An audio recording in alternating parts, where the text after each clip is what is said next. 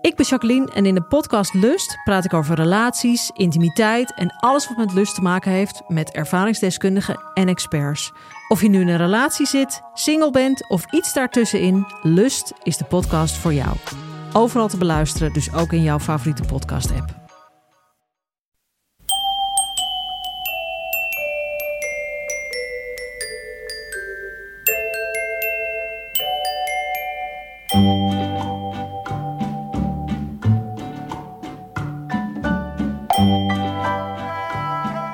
Welkom bij aflevering 298 van Echt Gebeurd, de podcast waarin waargebeurde verhalen worden verteld door de mensen die ze zelf hebben meegemaakt. In deze aflevering een verhaal dat Jorn Veenstra in september 2019 vertelde tijdens een verhalenmiddag met als thema Huisgenoot.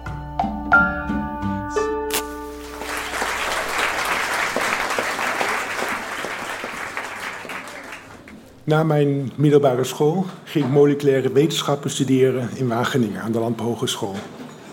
Tijdens het eerste college zei de professor ons: kijk naar links, kijk naar rechts. Jullie zijn drie studenten. Eén van jullie gaat het einde van het eerste jaar niet halen. Eén van jullie gaat nooit afstuderen. En slechts één van jullie drie gaat afstuderen. Dit zijn de harde statistieken. Ik wist al vrij snel dat ik tot de eerste groep hoorde. Ik ging door het einde van het jaar halen. Ik had een aantal vrienden en ik wilde met die vrienden gaan samenwonen. Het was heel moeilijk om woonruimte te vinden in Wageningen. Er stond een gebouw leeg van de Landbouwhogeschool, het PUDOC. Het stond een paar jaar leeg. We besloten met een paar andere mensen het huis te gaan kraken. De andere mensen waren meer geharde actievoerders. Wij waren meer beginners en vriendelijke studenten. De harde actievoerders waren meer fundamentalisten. Zij kraakten om een politiek statement te maken, om de huisstaat naar de bij te brengen. En wij kraakten omdat wij woonruimte wilden hebben en omdat het huis toch leeg stond. In maart hebben we het huis gekraakt. Ik had een hele mooie kamer van 4 bij 6 meter en ik kon zo uit mijn raam de tuin instappen. Er waren heel veel kamers, wel 30, en er waren maar 15 krakers. We hebben een aantal kamers omgebouwd tot keukens en badkamers en een gemeenschappelijke ruimte. Maar we hadden nog heel veel ruimte over. We leefden er enige tijd als vredige krakers. De tuin werd steeds mooier en het huis was langzaamaan verbouwd. Toen werd er aan de deur gebeld. Ik deed de deur open en er stond een haveloos figuur voor de deur. Hij zei: Ik heb gehoord dat jullie woonruimte hebben en ik, uh, ik, zoek, uh, ik zoek woonruimte. Wij hier komen wonen. Ik keek hem aan, het was duidelijk een junk. Ik zei hem heel vriendelijk: Nee, dat kan niet. We zijn vol. De volgende dag werd er weer aangebeld. Dit keer was het een hele charmante jonge man. De eerste was Quebec aan heroïne, de tweede was aan de cocaïne. De charmante jonge man zei: uh, Ik kom net bij de gemeente vandaan en de gemeente heeft uh, geen woonruimte voor ons. En ze hebben ons naar jullie doorgestuurd. Wij keken hem aan en zeiden van oké, okay, we zullen het overleggen, we komen, nog, kom, wel eens terug. In ons huis waren twee soorten groepen. Er waren de fundamentalisten, dat waren de actieharde actievoerders, en er waren de realisten, dat waren wij. De fundamentalisten wilden de krakers voor opnemen. De realisten, wij, dachten van, ah, maar nooit niet, van wij wonen hier lekker en we willen geen uh, junks in huis. Echter, de fundamentalisten waren geharde vergadertijgers en we hadden geen kans. Tijdens de vergadering werd er besloten dat de junks toch in huis kwamen. Een paar dagen later kwamen ze. Toen was het gedaan met ons vredige krakersleventje.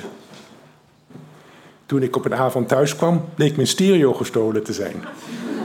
Ik ging naar de politie en wou het aangeven, maar de politie zei: Je woont in een kraakpand. We kunnen geen aangifte doen van een kraker, want je wil je niet je naam zeggen.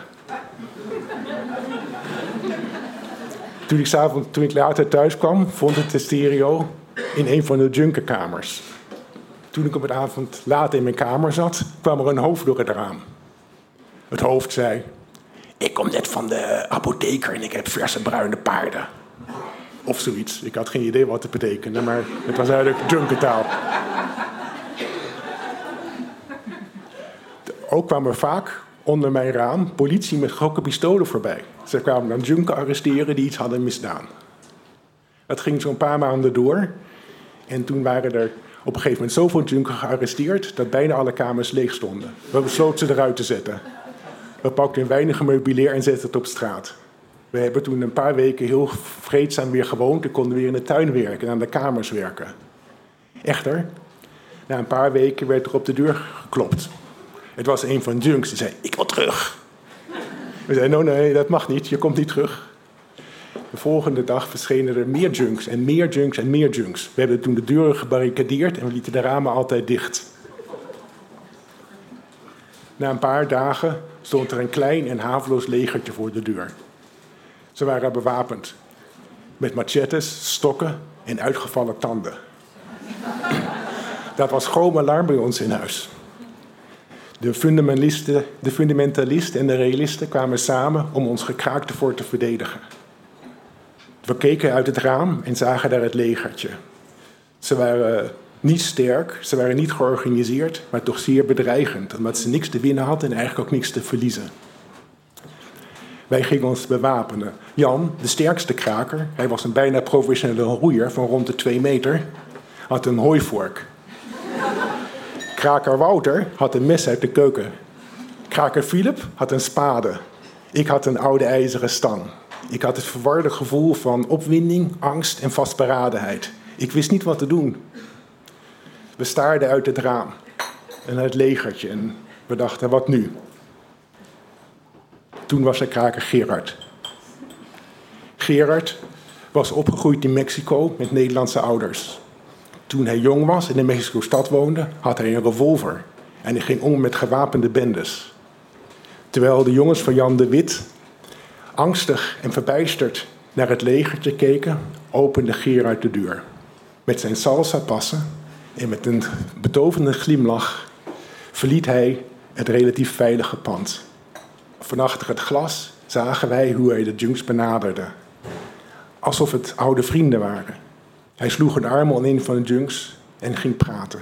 Hij was een realist. Hij bleef praten en praten, schouderklopjes gevend, alsof hij in een café zat met een paar vrienden.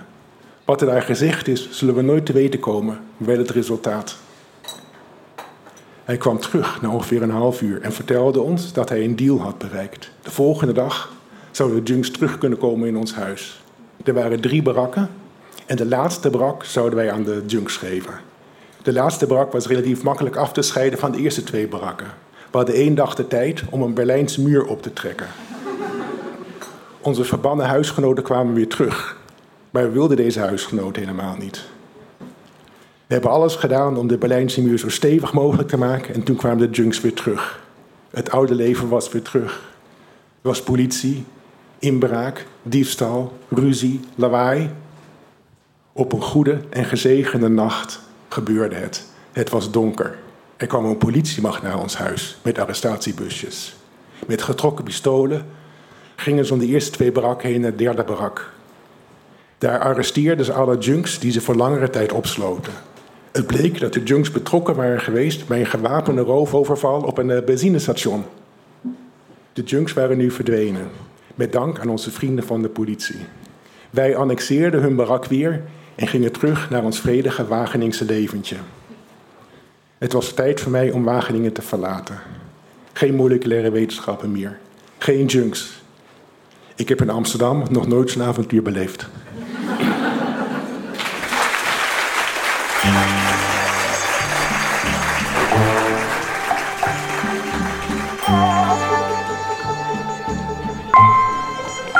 Je hoorde een verhaal van Jorn Veenstra. De Echt Gebeurd redactie bestaat uit Miga Wertheim, Rosa van Toledo, Maarten Westerveen en mijzelf, Paulien Cornelissen. Productie doet Eva Zwaving, de zaaltechniek deed Jasper van Oorschot en de podcast wordt gemaakt door Gijsbert van der Wal. Dit was aflevering 298. Bedankt voor het luisteren en onthoud niet aan de verse bruine paarden komen.